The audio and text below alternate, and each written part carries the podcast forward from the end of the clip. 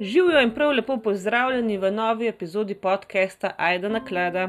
Danes je sreda in zato prihaja mal bolj udarna tema, mačkan bolj temačna, pri kateri seveda kot vedno ob sredah velja opozorilo, da tematika ni primerna za mlajše poslušalce. Uh, poleg tega pa bo ta tematika vsebovala kar nekaj zelo, zelo takih konkretnih opisov kriminalnega dejanja in potem tudi njegovih posledic. Tako da, če niste za takšne teme, uh, če ste bolj občutljive sorte ali pa enostavno pač tega nočete poslušati, uh, je tukaj le vaša priložnost, da zapustite tale podcast za danes.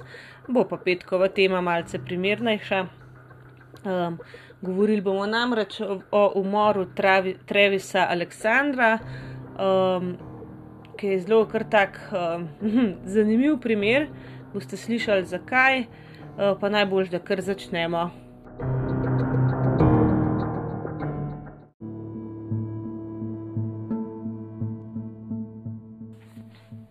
No, najprej naj obrazložim, zakaj sem se sploh odločila predstaviti prav ta primer. Uh, ker namreč imela sem v mislih mogoče kakšnega serijskega morilca predstaviti ali pa primer hotela Sisil. Uh, sicer vsi ti, kar sem jih dele omenila, so zelo, tudi serijski morilci, večinoma zelo že znani, no, pa stokrat prežvečeni, tako da se včasih kar vprašamo, je še smiselno uh, to sploh govoriti, ampak glede, na vaše predloge, pa odzive, očitno je smiselno.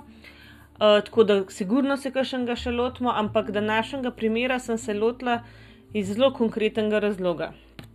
Zelo velik vas uh, mi piše, če bom kaj govorila o primeru Gabi Petito. Vi to poznate, sigurno iz medijev, tudi v naših medijih je bil ta primer zelo obravnavan v zadnjem času, uh, zdaj bom ga pa čisto na hiter povzela, tako da mogoče, če kdo ne ve, no, uh, da boste dobili eno obnovo, ampak to je res čist površna obnova. Pač Gabi je bila uh, ona, dva, ona s svojim fantom Brianom Laundryjem uh, je v bistvu okrog uh, se, se vozila s kombijem, ta van life sta prakticirala in sta imela tudi nek. Um, Ta, te vrste, mislim, da samo Instagram, pa začela sta tudi neki, uh, z neko spletno stranjo, pa z YouTube kanalom.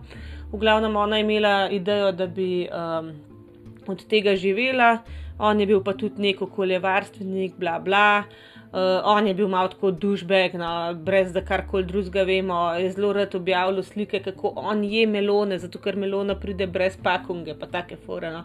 Tako take malo površinske um, objave imel, tako brez kakšne hude, hude vsebine. Tako, no, ne vem, meni men ni bil všeč.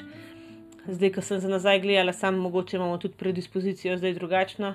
V glavnem, ona dva sta se letos polet, lani sta že hotela nekaj začeti eh, potovati, pa je bila pač korona, seveda, in sta se letos uh, odpravila na pot po teh uh, ameriških uh, uh, narodnih parkih.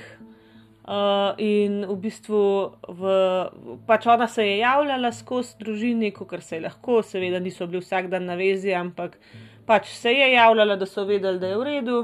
In pol se nekako enkrat ni več javila, ampak je prišel nek mesič, da ful ni um, tega signala, tako da niso bili zdaj zelo, zelo grozen, um, pač uh, zaskrbljeni. Je pa problem, da konc avgusta je Brian prišel domov k svojim staršem uh, z njunim oziroma njenim tem kombijem, brez nje. Uh, on je prej tudi klical domov, pa povedal, da, pri, da pride, ker sta bila starša namenjena na nek kampiranje ali nek dopust. In, uh, in sta spremenila rezervacijo iz dveh oseb v tri, tako da sta vedela, da pride sam. Uh, in je fora, da ona, ona je v bistvu pred, preden sta šla s tem kombijem okol, ona je v bistvu živela z njimi. In uh, deset dni potem, ko je on prišel sam brez nje domov, so njeni starši v bistvu njo prijavili kot pogrešano, ne on. Um, on je šel vmes na dopust, starši, mislim, da noč ni. In najhujše pa to, da v bistvu on ni hotel več sodelovati s starši ali pa uh, starši od Gebi ali pa iz uh, pač oblastmi, ki so iskali njo. Prav niso dajali nobenih izjav, kar je res tako malo šejdi, no? uh, glede na to, da je on zadnji videl najbrž živo. Uh, pač se ni nujno, da je karkoli naredil. Ne? Mislim, v prvi vrsti, če ti sprašuješ nekoga, ki je človeka zadnjič videl, a ne ga sprašuješ zato, da veš, kje iskati. Ampak on ni hotel nič uh, komentirati, tudi upremali so se takoj uh, z odvetnikom, ker se vse na mest njih pogovarjajo.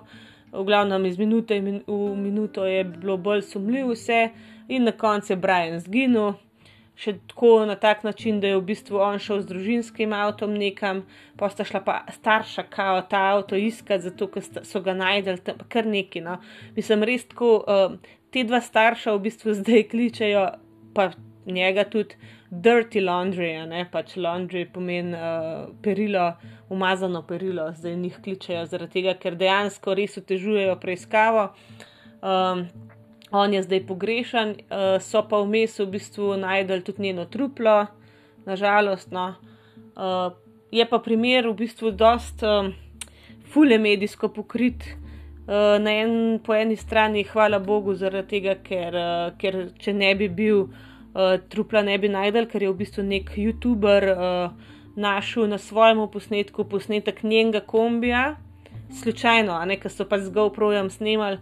Eh, ki so nek hodili, so našli posnetek kombija in so javili, kje je bilo to posnetek, in so v bližini tistega kraja dejansko truplo najdel. Um, objavljen je bil pa tudi uh, posnetek iz uh, bodycama, uh, to, kako bi to rekel po slovenski. Pač policisti imajo na sebi, od spredi, tako na telesu, kamero, da v takšnih primerih, ki grejo, ki grejo pač kakšna akcija ali pa uh, kakšen tak primer, uh, se snema sproti, zaradi tega, da če je treba za nazaj kakšne stvari uh, objasniti. Tudi pri Krisu Watsu smo opazovali ta bodycam uh, posnetek lahko. No, um, tukaj je pa v bistvu posneto, ker je nekdo slišal, ko je bila ona še živa, nekaj sta bila še skupaj konec avgusta, um, da so se ona dva ful kregala in je ona ful jokala in da je on njo, uh, Brian, uh, pač Gabi, uh, kluftal, in so k sreči poklicali policijo, kar je full dobro, glede na to, da večina nas rajš kar malo stran pogledaš, ne če na kaj tajnega naletiš. In so dejansko policisti šli na kraj dogodka, tudi na nekem parkirišču, ampak sta ona dva že odpeljala, ampak je tok hiter vozil in pol kar neki na bankino, pa tako ceste zapeljal, da so ga pač tako ustavili. No, in ta posnetek je čist na voljo na internetu, ga je policija izdala pač eh, v javnost, ne so ga dali ven. Um, kjer on je v bistvu čisto koleran in tako, haha, ja, malo sva se pač skregala, ona je pa skozi histerična, ona vse čas joka. In je problem v tem, uh, zakaj zdaj tako obsojajo ta posnetek, mislim, seveda pač imeli so ga, ne imeli so storilca, pa jim je všel. Ampak problem je v tem, da oni so to obravnavali kot uh, domestic violence oziroma pač uh, nasilje v družini oziroma v razmerju. Uh, ampak so v bistvu njo kot storilko obravnavali, zaradi tega, ker je bil on dejansko poškodovan, oziroma imel je neke praske po obrazu, pa po rokah in je pač povedal, da je to ona njega tovkla s telefonom in je ona to tudi priznala, da ga je, uh, da on pa nje nilih. Um, Te pa ona je rekla, da jo je prijel tako za obraz, pa stisnil pa obrnil vse. Uh, tako da so v bistvu postopali kot so morali, ne, ker pač uh, nasilnež je lahko in moški, in ženska. In so rekli, ok, on ne bo, on ni pač uh, dobene obtožbe hotel, ne ni hotel, da jo pač karkoli. Da karkoli jo kaznujejo, ampak so rekli, ok, ti boš pač vse mogla pred sodnika prideti, neka online, neka varianta bo, ne to je spet COVID scena. In določili so, da ona dva preživita noč na razen in še celo njemu plačali hotel, zaradi tega, ker ni imel keša za hotel. Um, ampak pol potem so se pa očitno neke stvari naprej dogajale. V glavnem zelo se kritizira to policijo, ker uh, niso spregledali, da je v bistvu on nasilnež. Ampak jaz bom tako rekla. Jaz zdaj, ki vemo vse te informacije za nazaj, oziroma se jih še ne vemo, ampak se nam svitajo, um, zdaj fu lahko biti pameten ker po, drugi, po eni strani je meni pa fully všeč ta um, odnos policije, da so dejansko pogledali zelo objektivno, ne zdaj zato, ker je ona ženska avtomatsko žrtev, ker se velikrat to lahko zgodi, ne velikrat ženska v nekem preperu je avtomatsko žrtev, zato je šipkejši spol, bla bla. Ne. Uh, sicer tukaj je bila gebi žrtev, pač blaje, ampak takrat dejansko ni izgledal tako. Zdaj, a, je, a je prav, da jih je on okrog prinesel ali ne, to je druga stvar. Uh, jaz mislim, da je bolj pomemben, da bi se pogovarjali o tem, koliko nekega treninga dobijo policisti tudi za prepoznavanje določenih psiholoških značilnosti psihopatov ali pa sociopatov. Ne? Ampak dejansko meni se ni, ni zdelo v tisti sami preiskavi nič tako hudega. V bistvu tudi dogebi so bili zelo fair, zelo prijazni in taki sočutni. Ampak pač tukaj je bila neka napaka storjena, če bi. Ne, če, ne, to so te čeji, ki jih je lahko zelo velik. Ampak ja, skratka, ta, ta primer je še v teku. Um, In uh, tudi Brian Laundry je zdaj uh, na begu ali pa pokojni, sej ne vemo, lahko si je vzel življenje, nimamo pojma, kje je. Uh, ni pa usumljen, ampak je v bistvu person of interest, ne, to imajo oni dva izraza, neki je suspect, to je usumljen, neki je pa person of interest. To pa pomeni, da ni, nimajo dokazov, da si usumljen za neko dejanje, uh, da si imel neki zraven, ampak znaš pa nekaj vedeti o tem in te zato pač hoče zaslišati jaz bi rekla, da pri pr nas mogoče bi se to prevedel v iskano osebo, uh, nisem pa našla čist uh, točnega prevoda. No. Ampak ja, zakaj sem zdaj deset minut govorila o tem primeru? Ravno zaradi tega, ker vsi zdaj obsojajo v bistvu policijo, da je njo obtožila, da je bila pač uh, agresor, so tam rekli, uh, agresivnež v tem odnosu. Uh, Sam to je res predispozicija, da ženska ne more biti nasilna. Ne? Uh, do moškega, ampak v primeru, ki ga bomo danes obravnavali, uh, pa vidimo točno to. Uh, in jaz mislim, da je treba vedno odprte oči imeti, pa predvsem misli uh, v vseh primerih, ker ja, nasilje se vrši lahko uh, v obe smeri. Pa mislim, da mogoče psihološko, psihično nasilje se pa mogoče v relaciji mož, ženska do moškega vrši še v večji meri. Uh, tako da ja. Um, kar pa imajo na primer naš zdaj, da boste vedeli, o čem sploh govorim.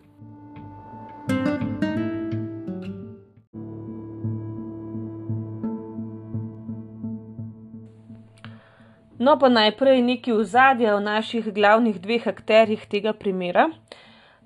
Travis Viktor Alexander je bil rojen 28. julija 1977 v Riversideu v Kaliforniji. In njegovo življenje se je v bistvu zelo klavrno začelo, uh, ker uh, njegova starša sta bila oba v bistvu um, narkomana, zelo velik zlorab je on zaradi tega doživljal v otroštvu. Pa mogoče ni bilo lih namenoma, da bi ga, da bi ga trpinčali, ampak niste bila enostavno sposobna skrbeti za svoje otroke, več jih je bilo. Uh, tudi po 3-4 dni včasih niso jedli, tudi tepeni so bili, v glavnem, grozen otroštvo in on je v bistvu pri desetih letih, desetih, enajstih, no, različno, različni podatki so dobesedno ušel in uh, sta ga sprejela babica in dedek po očetovi strani. Uh, in tukaj je on v bistvu pa res dobil neko tako družinsko okolje, skrbno, skrbno in njegovo življenje se je res obrnilo navzgor in uh, in je res dobil nek tisto otroštvo, ki bi ga že prej mogel imeti. Sta ga pa babica in dedek uh, predstavlja mormonski veri, oni sta bila zelo, um, zelo tako zagrizena. Um, Predana mormona in v bistvu v tej cerkvi je on tudi dobil neko skupnost, ki jo je vedno želel imeti, uh, in je tudi sam zelo veren postal in zelo zauzet uh, v tej veri, uh, in je šel celo na nek misijon, Uh, to so ti mladi fanti, lepo oblečeni.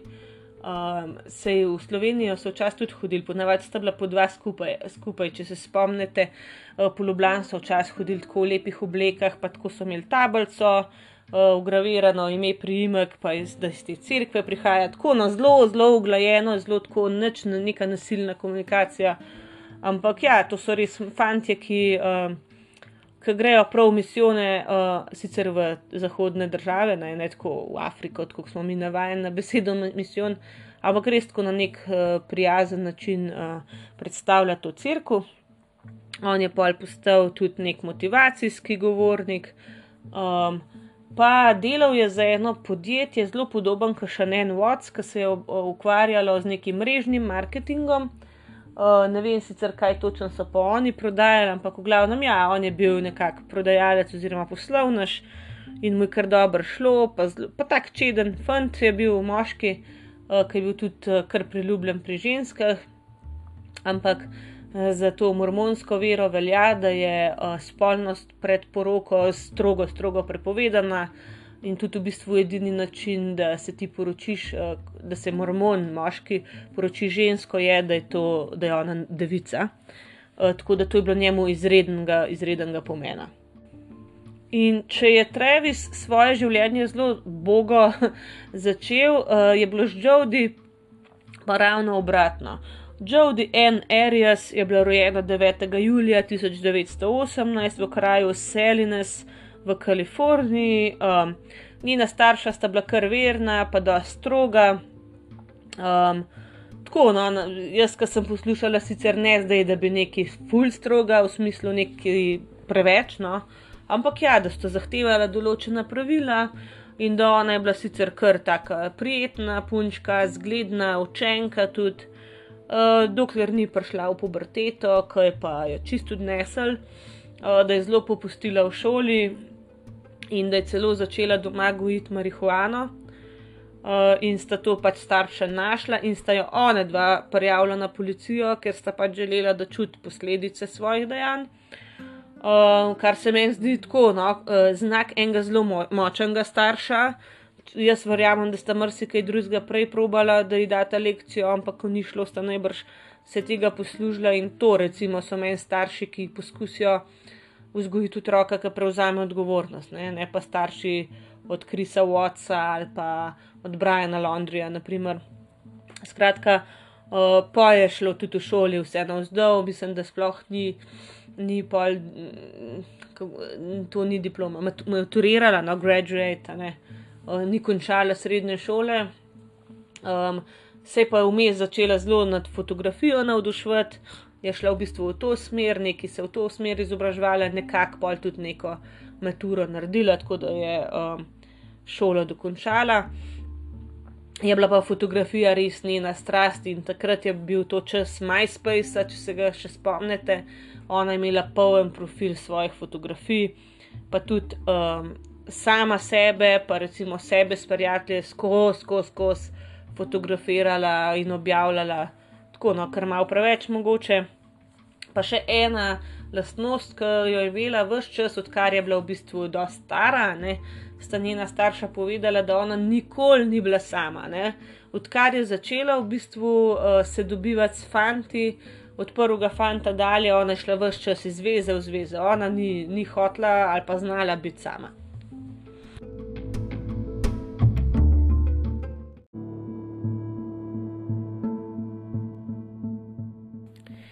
No, in uh, v eni od teh zvez je bila ona, uh, mislim, da sta skupaj živela s partnerjem, je bila ona dosti zadolžena, oziroma oba sta bila, mislim, da sta imela 5000 dolarjev hipoteke ali neki tacga na mesec, v glavnem grozen denar.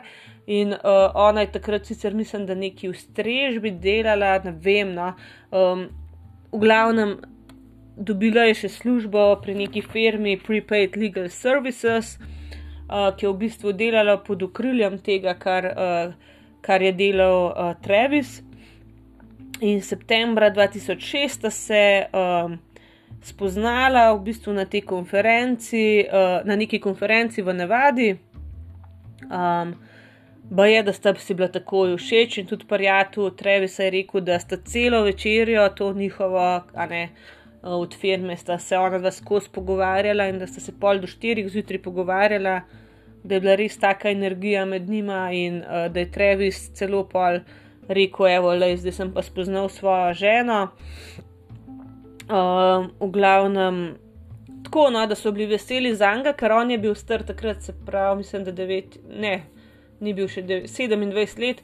V glavnem ni bil tej tok star, ne, ampak če računamo, da do poroke ni smel imeti spolnih odnosov in tako on je res si želel pač najti žensko, za katero bi si želel, da bi bil z njo do konca življenja.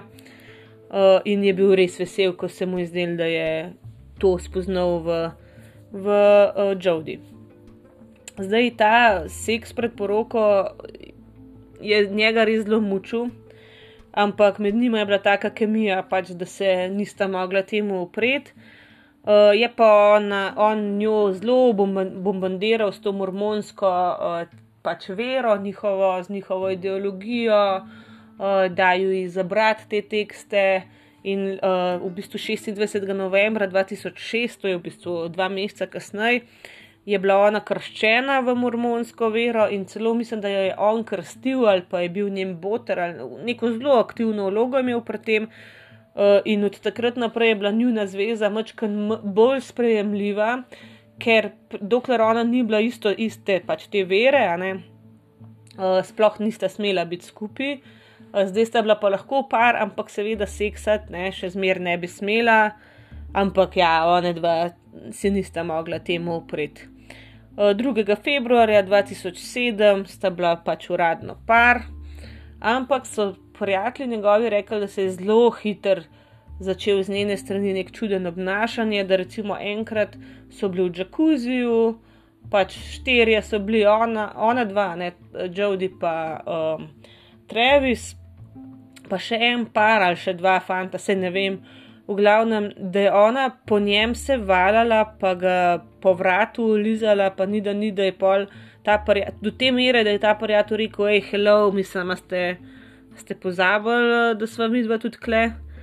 Pol um, skozi ga je kontrolirala, ni mu bilo všeč, da, da se z drugimi ženskami pogovarja, pol je skozi hotla zraven njega sedeti uh, skozi je uh, hotla, da vsi vejo, da sta skupaj. Polne socialne mreže je imela njunih skupnih slik, strašen je bila ponosna na to, da je njen fant in, in res je hotla, da to vsi vejo. Pol pregledovala mu je telefon, uh, internet, uh, mislim, uh, pač e-pošto, vse. No? In naj bi celo prisluškovala njegovim prijateljem, ker on je pač živel v neki hiši, kjer je bilo, jaz to razumem, da je bilo bili so cimri, ampak vsak je imel kukar svojo garsonjero ali pa vsaj svojo, ne vem, kopalnico, pa spalnico, ne vem, koliko prostorov, ampak tako, no, skupna hiša je bila, ampak so bili malo ločeni prostori in da sta se dva kolega, da ne vem, je bil par ali kukar kol, sta se v eni sobi. Pogovarjala, da pač se pona, ful čuden obnaša do njega in da je kar malo tako kripi. In mislim, da je bil par, ja, ker je ona pol rekla, hej, utihan ona posluša. Ne, ker Jodi je pa naj bi no, spala en nadstropje nižji v svoji spalnici, oziroma njuni. In dejansko v tistem, ko je ta um, rekla, pač, da je tih bod, ko ona prisluškuje, uh, potrka na vrata in Jodi pride noter, je vse v redu. Tako prav res, res kripi skozi je prisluškovala, skozi je bila paranoična, hotla imeti kontrolo, v glavnem začele so se tako smotane stvari dogajati, da uh, sta šla v bistvu pol, uh, po pol leta, v bistvu junija 2007, sta šla že na razen.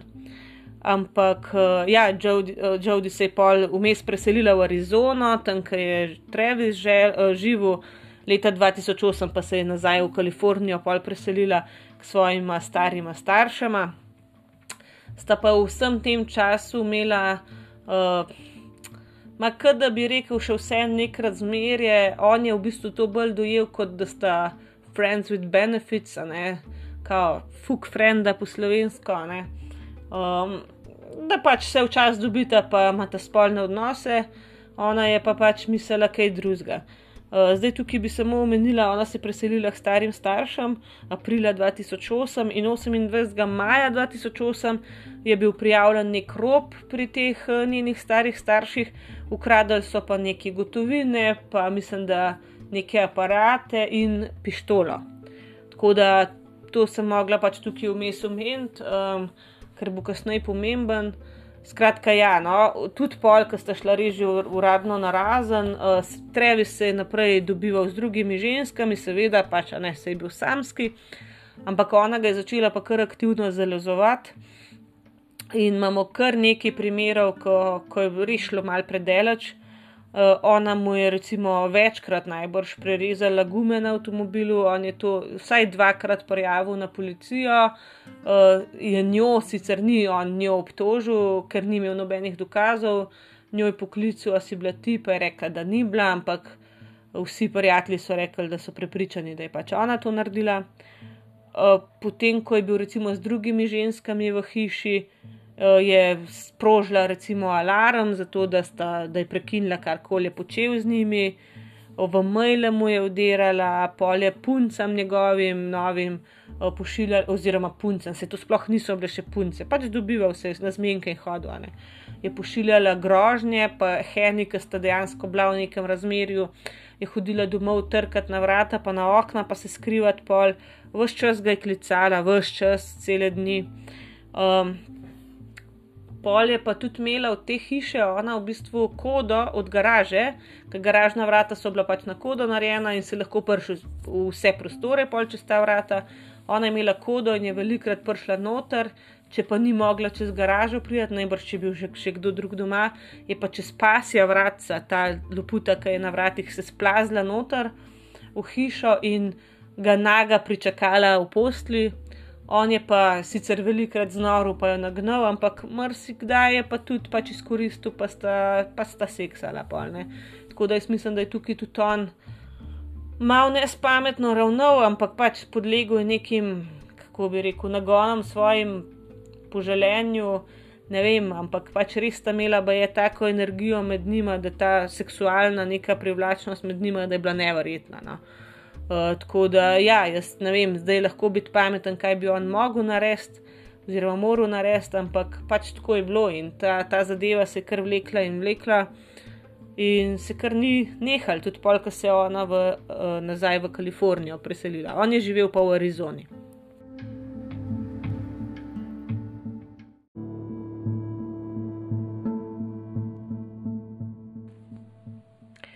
No, um, junija 2008 se je pa on tako dobival z eno mimi, uh, ki je bila tudi mormonske vere, ne vem, zdaj sta bila jih para, sta bila prijatelja in ona dva bi morala iti na neko službeno potovanje skupaj v Cancun, uh, zdaj to je v Mehiki.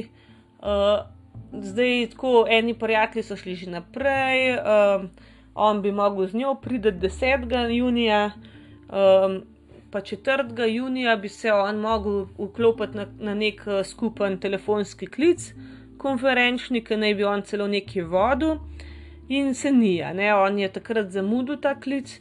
In mu je še celo en kolega, ki pač uh, en par, ne, sta bila že v Cancunu, mu je pustil uh, glasovno sporočilo, kao boljš zate, da si mrtev, ker če si zanalaš, mislim, če, če si po neumnosti zamudil klic, potem bom jaz ubal, haha, ne pač hec, ne? tako da se pač velikrat kaj pohecaš. Bil je pa problem, da ga pred 9. junijem uh, že v bistvu pet dni noben videl ali pa slišal. In zakaj je bil to problem, z njimi bi mogla 10. junija oditi in se nista še nad zmenila. Ne? Ponavadi, če se skupaj nekam odpravljaš, so neki dogovori, ne kdaj, kje, s kom, kako, in pač niso nič od njega slišali. Uh, ona gre domov uh, k njemu in tam uh, pač mimijo. Ne? In trka po vratih, noben se ne javi, vidi, da je njegov pes noter hod. Uh, in pol pokličejo na še dva prijatelja, ki ni sama ali upala ne, uh, noter hoditi. In je en tretji kolega dal uh, kodo od garaže, kao pete not, pa pogledajte.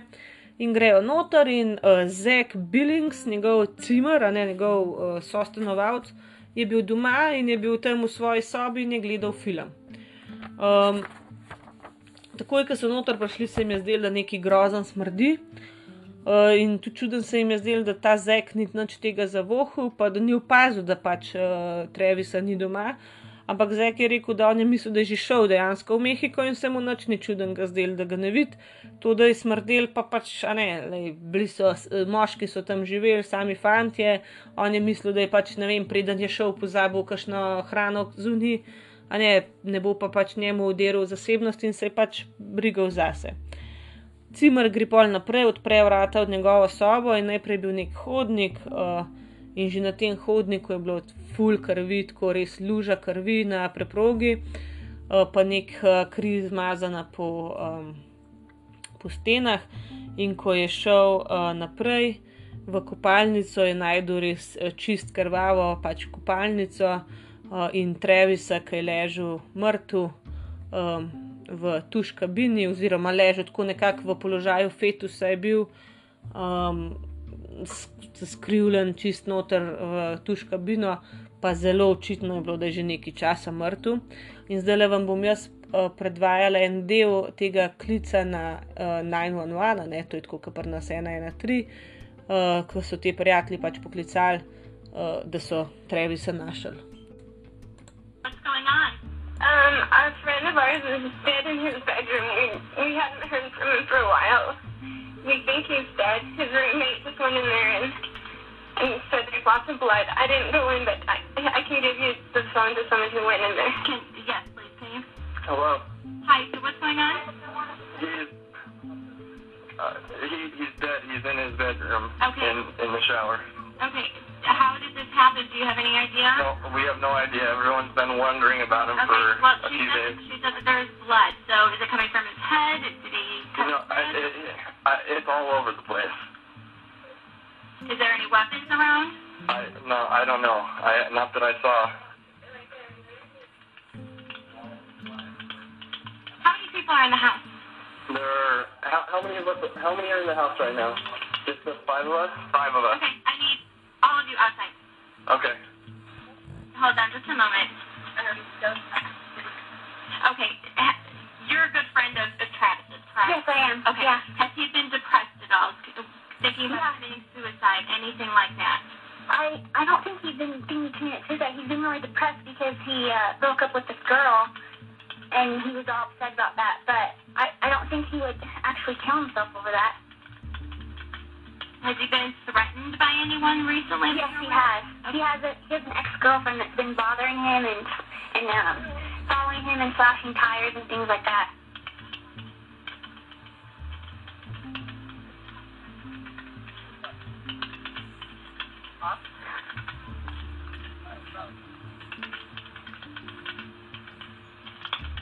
And do you know the ex-girlfriend's name? Um um. Do you that? What's what's his ex girlfriend's name? Ask Taylor. And do you know if he's ever reported it to the police? Um, her, his her name is Jody. No, da tukaj sem spustila, to je recimo ena dobra tretjina klica. Ja, že tukaj so povedali, da pač je imel neko bivšo punco eh, z imenom Jody, eh, ki mu je sledila, ki mu je grozila, ki mu je rezala gume na avtomobilu. Tako da, ja, vid se res, eh, mislim, slišiš se v bistvu neki, se sploh ne razume, kaj govorijo, ampak zelo so bili vsi razburjeni. Uh, tudi uh, rekla jim je ta na, pač v centrali, naj grejo ven, ne, naj takoj grejo ven iz hiše, najbrž zato tudi, da ne bojo uh, dodatno um, prizorišče zločina kontaminirali. In tudi zanimivo mi je, ker je vprašala, pač iz, da je veliko krvi, v- so povedali, da je veliko krvi, ne. Ko je vprašala, iz kje prihaja ta kri, ni znal čist dobro povedati ker je bilo tako zelo veliko krvi. In zdaj, ko bom vam povedala, kaj so pol na obdukciji ugotovili, uh, vam bo vse jasno, zakaj ni znal povedati, ker dejansko je bil on 27 do 29 krat zaboden. Uh, tokrat je bil zaboden, res, da sploh niso vedeli več, kera obodna rana je bila pol smrtna. Bil je tudi nad očesom ustreljen in imel je prirezan vrat v bistvu od ušesa do ušesa, do te mere, da je bil skoraj obglavljen. Um, res grozen, grozen prizor. Jaz sem te fotografije videla, ker te fotografije so bile v bistvu pol tudi uporabljene kot, um, kot dokazni material na sojenju, tako da če imate želodec, komod pogooglate, ampak res ni prijeten prizor. Poleg tega je bil pa truplo tam že kar ene pet dni, seveda pet dni, najbrž ja, pet, šest dni. Uh, in, um, in je že malo bil uh, v različnih fazah razkroja, pa začel je mumificirati celo, a ne zatekovati se koža. Tako da res uh, ni bil prijeten prizor, in kot ste slišali, ta mimi sploh ni šla noter. Uh, fantje so šli noter, pa to pogledali, ker ja, jaz verjamem, da je bil to kar težek prizor, ki ni za vsadzga. Ko so potem preiskovalci prišli, so našli uh, na hodniku krvav odtis dlani na steni, kar nekaj dolgih uh, rjavih las, uh, v bistvu in na stenah kopalnice in na tleh, pomešanih s krvjo. V pralnem stroju pa je bil fotoaparat, ki je bil opran skupaj z nekaj, uh, ob, mislim, ne oblačili, lih, ampak raznimi cujnami, raznimi, ne vem, brisačami in posteljnino, in tako, ker se je zdel, da kljub temu, da je bilo grozen krval, uh, da je nekdo to poskušal že počistiti. Pa tudi videl se je, da je, um, da je v bistvu zelo, zelo hud boj bil to, no? da to pač karkoli je bilo, se Travis ni kar tako dal. Um, vsi prijatelji so takoj rekli, da je sumljiva Jodi. Pač uh, res, takoj ste videli že v tem, ko so klicali na 911, uh, res, uh, takoj so vsi njo omenja začeli, ampak bil je pa tudi eden od osumljencev ta uh, cimara, ne. Uh, ker kako nisi zavohal, no, pa opazil ničesar, ampak je kakršen koli sum bil takoj vržen, ker je imel itak alibi, pa pač ja, pač ni, ne, pač ni zavohal, ampak to, kukorkoli je to čuden, dejansko on tukaj ni imel nadzraven. In potem pač na policiji se začnejo s tem ukvarjati, in kmalu potem, ko so to razvedeli, da je pač on umrl, da je bil ubit, kliče na policijo nihče drug kot Jodi, da ona je pa njegova bivša punca, da sta bila še vedno v stikih in da sta bila prijatelja, in da če lahko karkoli pomaga, a ne ona z veseljem pomaga. In ona je prišla še celo um, na njegov pogreb v Arizono, uh, kjer se je strinjala, da vzamejo njene prstne vtise. Uh, in je tudi zatrjevala policiji, da tisti dan se je pa to zgodilo, nekaj oni so že pol predvideli, mislim, da 4. junija se je to zgodilo, da pač uh, nje v Arizoni ni bilo. Je pa ona bila prej, če malo pogooglate njene fotografije, tako zelo lepa ženska, drugače. Um, ampak prej je bila plavolaska, tako bomba, seks bomba, ne, kao plavolasa, prasata, seksi ženska.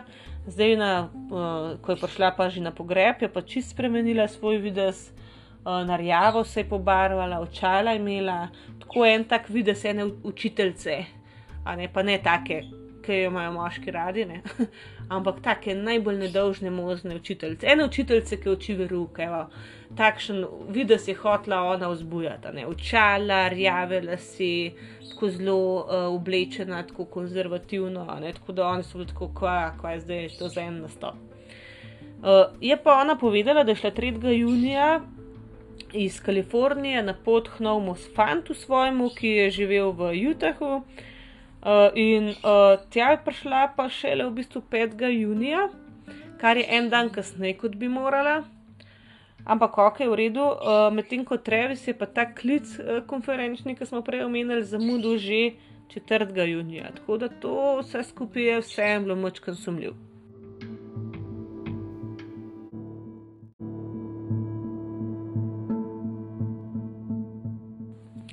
No, in kot smo rekli, trevi se pokopljajo, um, ona ima kao neka libi, zaradi tega, ker so tudi v bistvu preverjali njeno kartico in vse, in v Arizoni dejansko ni bilo nobenih aktivnosti na kartici. Um, ampak uh, forenziki, ti, ki se ukvarjajo s temi uh, računalniškimi zadevami, so v bistvu uspeli rešiti SD kartico. Ker kljub temu, da je bil fotoaparat ta v um, pravnem stroju uničen, SD kartica je pa ostala. Ne? In uh, gor v bistvu najdejo en material, ki bi si ga vsak preiskovalec želel, kajti v bistvu so našli fotografije Trevisa pred umorom. Že po umoru, med umorom, praktično, v glavnem, cel potek dogodka je bil v bistvu fotografiran, in uh, se vemo, da pač fotoaparati imajo ta timestamp, pa nekaj v bistvu uh, fotografija dobi tudi uh, datum, pa uro, kdaj je bila posneta, včasih tudi lokacijo, in so imeli v bistvu tudi točno uro, kdaj so se stvari dogajale. Kar je bilo pa najbolj vznemirljivo, je to, da um, je bila na slikah tudi Jodi. Poleg tega so bili v tem odtisu roke njeni prstni odtisi, uh, v bistvu njena kri je bila v tem odtisu in njegova, njeni lasje so bili. Uh, so bili na, na tleh od, uh, od uh, kopalnice. In tudi, ko je prišla ona v, ta, v Jutah svojemu novemu uh, fantu, ne, je on tudi opazil, da je imela ona neke ureznine po rokah. Uh, ona se je sicer zgovarjala, da, zato, da se je to pri uh, strežbi urezala, ampak hočem reči, no, če je bila njena kri na kopalnici, tudi eh, je lahko bila, na steni kopalnice je lahko komod bila, ker je imela ureznine na rokah. Skratka, vsi dokazi so začeli kazati na njo. Uh, na fotografijah je pa tudi te fotke lahko vidite na internetu, niso nič kaj dost. Uh, mislim, če veste, kaj se je pa zgodilo, so lahko take udarne, ampak drugače pa niti ne. V glavnem, ona dva sta se bila navajena zelo veliko fotografirati, tudi v raznih seksi pozah, pa v takih kočljivih situacijah. In ona je njega fotografirala v bistvu v, uh, v potušama. Ne? In zadnja fotografija potušam je najbrž tudi zadnji moment, ko je bil on še živ, ker ima nek tak prestrašen pogled eh, na obraz, mislim pač v očeh. In um, pol je pa zgleda, da je v bistvu fotoaparat po nesreč prožil nekaj slik, ker je bilo pol na eni fotografiji nek del krvavega telesa, pa, pa noga na tleh, pa tako no, pa je bilo. Pa je bilo kar neki, kar neki random uh, posnetki, so bili, ki so vse en skup sestavili neko zgodbo. V glavnem, kot je bilo rečeno, cel kup dokazov je bilo proti njej in oni grejo do nje, ampak ona zatrjuje, da ni kriva uh, in da nje takrat tam ni bilo in da pač enostavno ona tega ni naredila. In tukaj imam za vas tudi en uh, pač posnetek iz enega intervjuja, kako prepričljivo ona to zatrjuje. Did you kill Travis Alexander? I absolutely did not kill Travis Alexander. I had nothing to do with his murder. I didn't harm him in any way. I met Jodi Arias for a jailhouse interview. Her hair now light brown, and she dropped a bombshell describing for the first time what she says happened the day of the murder. I witnessed um, Travis being attacked by two other individuals. Who? I don't know who they were. I couldn't pick them out in a police lineup. So what happened? Um, they came into his home and attacked us both. She says a man and a woman wearing masks burst into the home and attacked both of them. Jody claims she fled but was terrified to call the police. I'm not proud that I just left my friend there to be slaughtered at the hands of two other people. I'm not proud of that at all. You understand? You look guilty here. I understand that everything, all of the evidence against me right now is very compelling. What really happened in there? In a nutshell, two people took Travis's life, two monsters. You did not shoot Travis. No, I've never even shot a real gun. You didn't. No, v glavnem, zdaj sem kar prekinila, ker tega je pol še kar cel kup. V glavnem, najprej ga ni ubila, jaz sploh ni bilo tam, pol, ko so rekli, da je to pa to pa to, to je enih dokazov proti tebi. Uh, je pa spremenila zgodbo in je rekla, da je bila tam, ampak da sta prišla moški in ženska, zamaskirana s črnimi vem, maskami ali kako koli. Uh, in da um, vmes, ko ga je fotkala, in da sta ga prišla ubi- ubiti, in da sta ji rekla, ti pej, ne? ampak če boš komorkoli kaj povedala, bomo ubili tebe in celo tvojo družino. Valjda je noben ni verjel. Um, ja, s- kaj naj rečem, kako, ji boš verjel tako neumnost. No? Uh, in začel se je sojenje, in na sojenju je, prišel ven še en, mislim, je prišla še ena varianta te zgodbe, njena. Ne? Mislim, to je ženska, res, ki ne vem, sama sebi verjame, ko laže, v glavnem na sojenju, ker so bili vsi ti dokazi um, v bistvu pač predstavljeni, ker se je videl, da ne more pač se ven izvleči. Je pa priznala, da ga je ubila, ampak ga je ubila v samo obrambi. No, in pa je začela napletati zgodbo, kako je on bil vse čas uh, do nje nasilen uh, in da je znoro za vsak uh, malenkost, ne, in da je njej vmes, ko ga je fotografirala pod tušem, da ji je iz rok padel fotoaparat in je on tako znoro zaradi tega fotoaparata, uh, da jo je neki ob tla porinil ali ob steno in da se je ona pol samo obranila in kukorkoli. Um, v glavnem, vse je bil on kriv. Poleg tega ga je pa še obtožila, da je bil on pedofil in da se je uk- ukvarjal s razpečevanjem otroške pornografije, in da je enkrat prišla v sobo, ki je on v bistvu mas- masturbiral, a ne? Darko, no, uh, na slike nekih, uh, nekih majhnih fantkov. V glavnem pač res svinsko, no, glede na to, da njega ni več tukaj, da bi se sploh branil. In tudi njegovi bratje ali en brat, ne vem, koliko jih ima, je rekel, da v bistvu ga je na tem mestu ubila še enkrat. No. Uh, zdaj, kot smo rekli, dokazov proti njej je bilo dovolj, poleg vsega ostalega so najdel na tleh še tulc od uh, naboja, uh, ki je bil enak, kot bi pripadal pištoli, ki je bila kao ukradena iz hiše njenih starih staršev, da so tudi to ujemali. So pa potem ugotovila, ker smo že prej rekli, da ni nobenega dokaza, da je bila v Arizoni tisti dan, da je ona uh, pri svojemu bivšemu fantu si izposodila dve velike kante za benzin in da je pol še eno kupila in nalila ogromen benzina, pol še v Kaliforniji. Se pravi, poleg tega no, je pa še v bistvu na meji, preden je šla v Arizono, izklopila telefon in ga je izklopila pol še le, ki je bila v Utahu. Tako da v bistvu mislim, da 18 ur ni bilo uh, nobene, pač nič lokacije in nič, kje se je nahajala, pa nikamor ni rabljati na benzinsko črpalko, tako da sploh ni bilo uh, nobenega sledu v njej. Uh, sicer je pa se zgovarjala, ja, da ko so jo sprašvali, zakaj je prišla en dan prepozno v Jutah, je rekla, ja, da se je izgubila, pa je pa še telefon crknil uh, in je v bistvu neko stala in je tako zabila en cel dan. In pa so rekli, ja, kako pa, pa si kar čudežno prežgala telefon, jaz sem ga pa našla pod zicem. Mislim, take zelo, zelo take lame, lame izgovore imela. Um, ampak uh, zakaj je pomemben ta podatek, sploh to s temi kantami za benzin? če je ona to tako načrtovala, da dejansko ne bi rabila jeti v celi Arizoni nič tankati, je to pol naklepni umor bil. Se pravi, prav načrtovan, ker eno je uboj ali pa umor iz, uh, pač v nekem afektu, drugo je pa naklepni umor. To so pač um, tudi različne stopne, koliko je hudo, kakšna kazen je. Tako da ja, ona je to dejansko, um, dejansko pač načrtovala, čist do zadnje pikice. In tudi tega, um, da je on njo karkoli maltretiral, da je bil on kakorkoli do nje nasilen, ni ni noben verjel.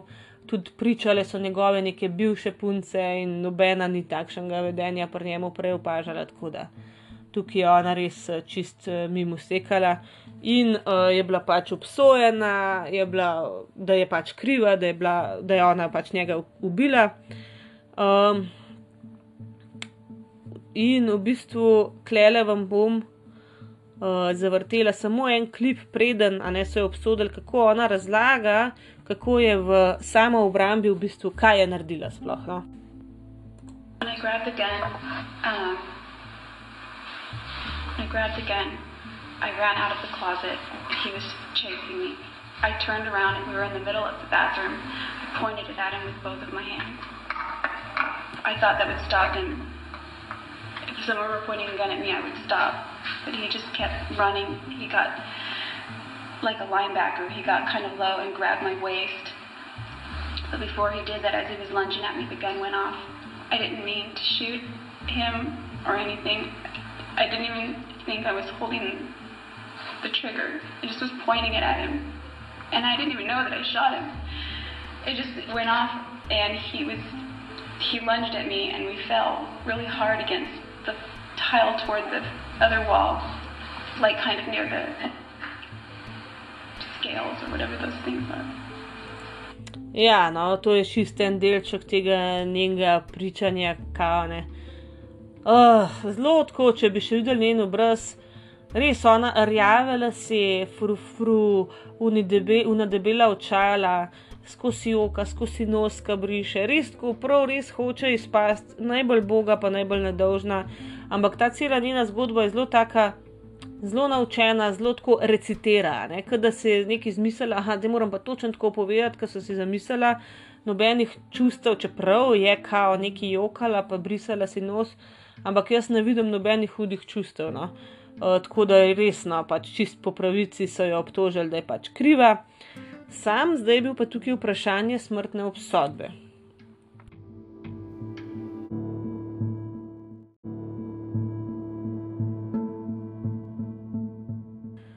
Kar en kup uh, ljudi je bilo za to, da bi pač ona dobila smrtno obsodbo.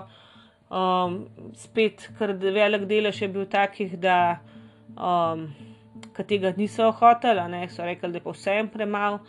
Uh, ampak po drugi strani je bil spet dosti brutalen umor.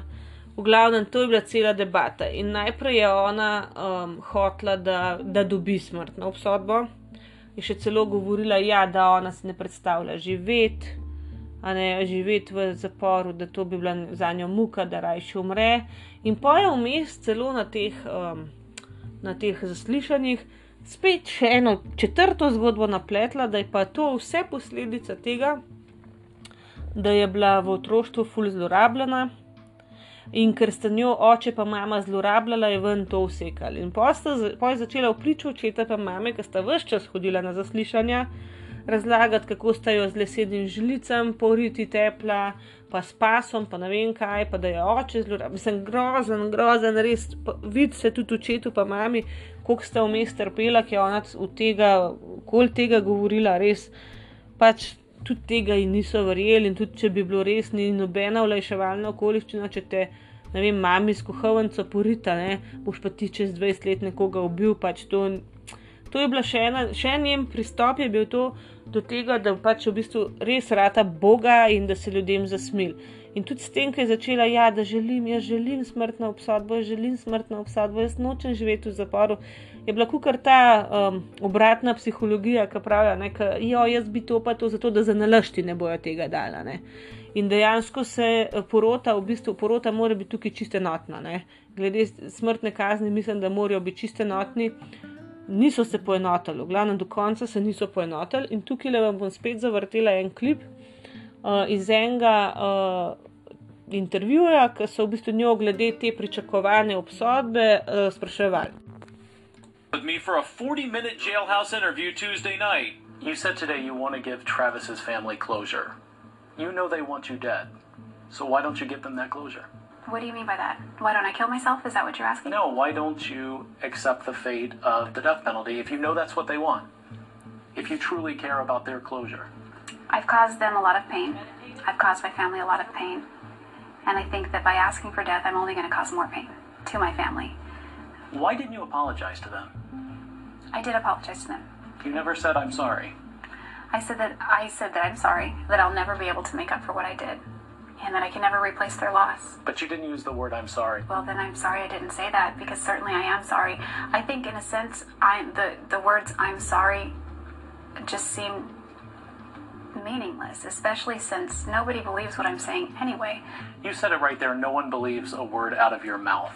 Why do you keep talking? Because I know that I'm not just I've lied before. That doesn't mean that I'm a liar by definition, by character. To a lot of people, they think this switch from I want to die to now I want to live is just another lie from Jodi Arias. I don't know what that means. Was I lying when I said I want to die, or was I lying when I say please spare my life? You know, um, whatever happens, I'm just going to take it and deal with it. You've said that sort of thing a lot before, including right after you were arrested. You said, My goodness, if I did something this horrible to Travis, I would beg for the death penalty. Right. You did it, so what changed? My family changed my mind. Some of Arias's last words to the jury were downright bizarre. She argued for life in prison by essentially presenting a political platform for the rest of her life behind bars. There are many things I can do to affect positive change and contribute in a meaningful way. In prison, there are programs I can start and people I can help. She almost No, ona bi zdaj rada pa v zaporu nekaj pripomogla k družbi, ona bi bila politično aktivna, programe bi začenjala za ljudi, ma dej kar neki, no, v glavnem, kot ste slišali v intervjuju, ona se je najprej zauzemala, da bi dubla smrtno obsodbo, pol je pa čist spremenila taktiko in rekla ne, da zdaj jo pa noče, zaradi tega, ker bi pa s tem pa še svoji družini uh, grozno bolečino nakopala, v glavnem. Ah, skozi je spremenjala taktike, svoje, svoje v bistvu, kaj jaz vem, izjave, resnico je spremenjala. Nič, kar, kar je ona izjavila, nič ni bilo konsistentno. Ona je bila pač pol obsojena na dosmrtno ječo, brez možnosti pomilostitve. Um, ni pa videti, da bi se v zaporu kaj grozen slabo imela. Enkrat se je sicer pritožvala, da imajo neki preslabo hrano, da to njej ni všeč, ampak vsi smo imeli pa včeraj uh, piščanče, fahite, to mi je bilo pa kar dobro, ja pa pismo, kada s tem, da uživaš, ne kada si v hotelu. Uh, no, pa glede na to, da smo prejšnji teden govorili tudi o hibristofiliji, uh, nekakšni spolni privlačnosti do kriminalcev. Uh, tudi ona je imela iz zapora ven v bistvu uh, fanta, partnerja, uh, celo hotla sta se poročiti, ker če bi se poročila, bi imela v bistvu dovoljenje za obiske. To je tisto, kar smo že zadnjič govorili, ne? da v bistvu pol imata tudi neko zasebnost, da lahko imata tudi spolne odnose, kar koli hočeta početi. Uh, ampak do zdaj se še nista poročila in tudi ne vemo, ali v bistvu še traja to razmerje, ker je bilo kar nekaj težav. Tudi leta 2016 je ona izgubila pravico sploh do obiskov, ker je uh, pazniku rekla, da je cock blocker, ker ji ni dovolil um, delati stvari svojemu. Vmes uh, je hotla tudi uh, probat, če bi šlo skozi, uh, da bi jo spoznali za neprištevno, pa da bi zato uvrgli obsodbo. Ampak tukaj se američani dost, dost radi uh, zakolejo, da jim po domač reči, ker uh, če te spoznajo um, za neprištevenega, oziroma oni imajo varianto not guilty for the reason of insanity, a ne ni kriv pa z, z razlogom uh, pač neprištevnosti. Ne? Je v bistvu isto ali pa slabše, kot če bi bil kriv, ker če si kriv, lahko dobiš, ok, ne, v njenem primeru je dosmrtna, ampak lahko dobiš recimo 20, 30, 40 let zapora. Če si pa ti kriv, mislim, nisi kriv zaradi neprištevnosti, ampak si v bistvu vese pa, da si ti to naredil, ampak če si bil tako neprišteven, greš pa do konca življenja, v vsakem primeru v uh, pristojno institucijo. Tako da v bistvu kle samo vprašanje, je zaprta v zaporu ali pa na psihiatriji na zaprtem oddelku do konca življenja. Tako da ja, tukaj se američa, američani kar radi malo, um, mečka se zakolejo, no, ker mislijo, da to pomeni. Če si not guilty for the reason of insanity, da greš pa na prostost, sploh ne. Uh, tako da, ja, ona je vse to probala, uh, veliko strokovnjakov jo je pregledal, in so v bistvu vsi ugotovili, da je patološka lažnivka, narcisistična in da je sociopat. Uh, ene par jih je sicer rekel, da mogoče ima tudi malo te uh, mejne osebnostne motne, oziroma včasih se je temu rekel uh, bipolarna motna, ampak v nobenem primeru jo pa niso spoznali za neprištevno, tako da je čist prištevna in odgovorna za svoja dejanja uh, in o tem ona lahko razmišlja do konca življenja v zaporu. Uh, Jaz sicer spet tukaj je spet tista varianta, a si zaslužiš uh, v bistvu jesti za ston, pa trošiti davkoplačevalski denar. Ne vem, ampak ja. Tako so se odločili, uh, v tem primeru sicer ne vem, če bo ta kazen kaj zalegla, ker nimam občutka, da ona sploh, sploh ve ali pa verjame, da je karkoli naredila na robe, ampak to pa ni več naša stvar, zdaj, zdaj, je, zdaj je svet varen pred njo in upam, da se ne bo imela preveč fajn. No.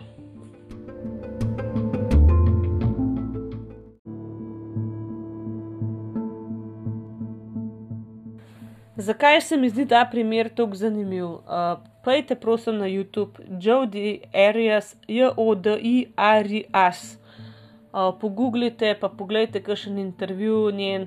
Res, kako, kako je ta ženska znala igrati, kako se je naredila prav naredila se je nebogljeno, prav naredila se je ubogo, nedolžno, kako je govorila preračunljivo, res. Um, Včasih bi skoraj verjel, da, da ni dejansko nič naredila, in meni se zdi, da je zaradi tega ta primer tako zanimiv, pa po svoje strašljiv, ker, ker ja, ne, pošast ne zgleda vedno pošast, nažalost, uh, in zaradi tega tudi idejo, pa tudi uh, prenesejo ljudi v krog. Uh, Tako da, ja, izredno zanimiv primer, sicer ni mogoče tako velik, kot kakšen prejšnji, ja, nekaj je umrlo več ljudi, ampak vse je vseeno.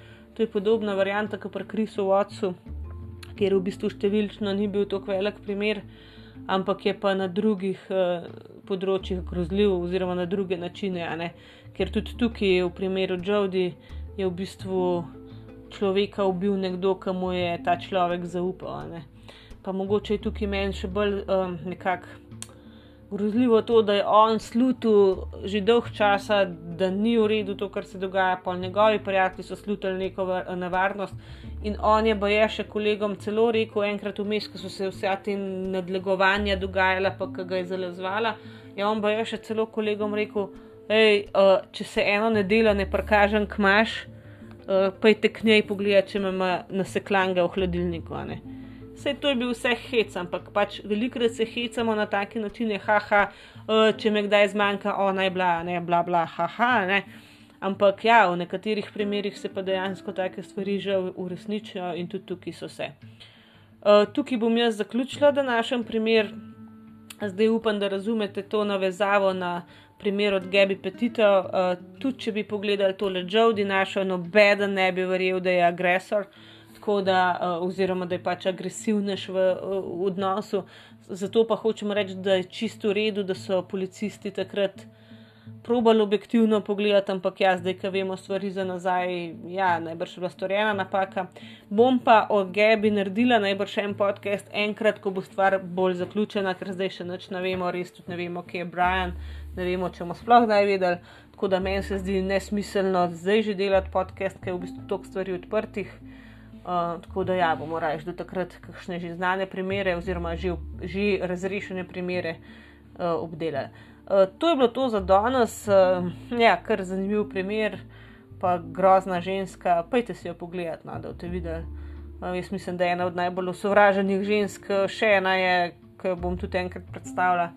Ampak ja, ena od najbolj sovraženih žensk, zaradi tega svojega visokega odnosa, obnašanja in celo na sodišče je hodila uh, z majčko Survivor, zato ker je preživela to, kar je on njej počel, mislim, da je. Mm, no comment, eh, ne bom več naprej komentirala, odločite se sami oziroma uh, ustvarite si svoje um, mnenje in mi ga povejte, prosim, sem zelo vesela, kadar dobim kakšno sporočilo, pa lahko predebatiram pa stvari z vami. In se slišmo v petek z eno malo lahkotnejšo temo. Lepo se majte, pa čau, čau!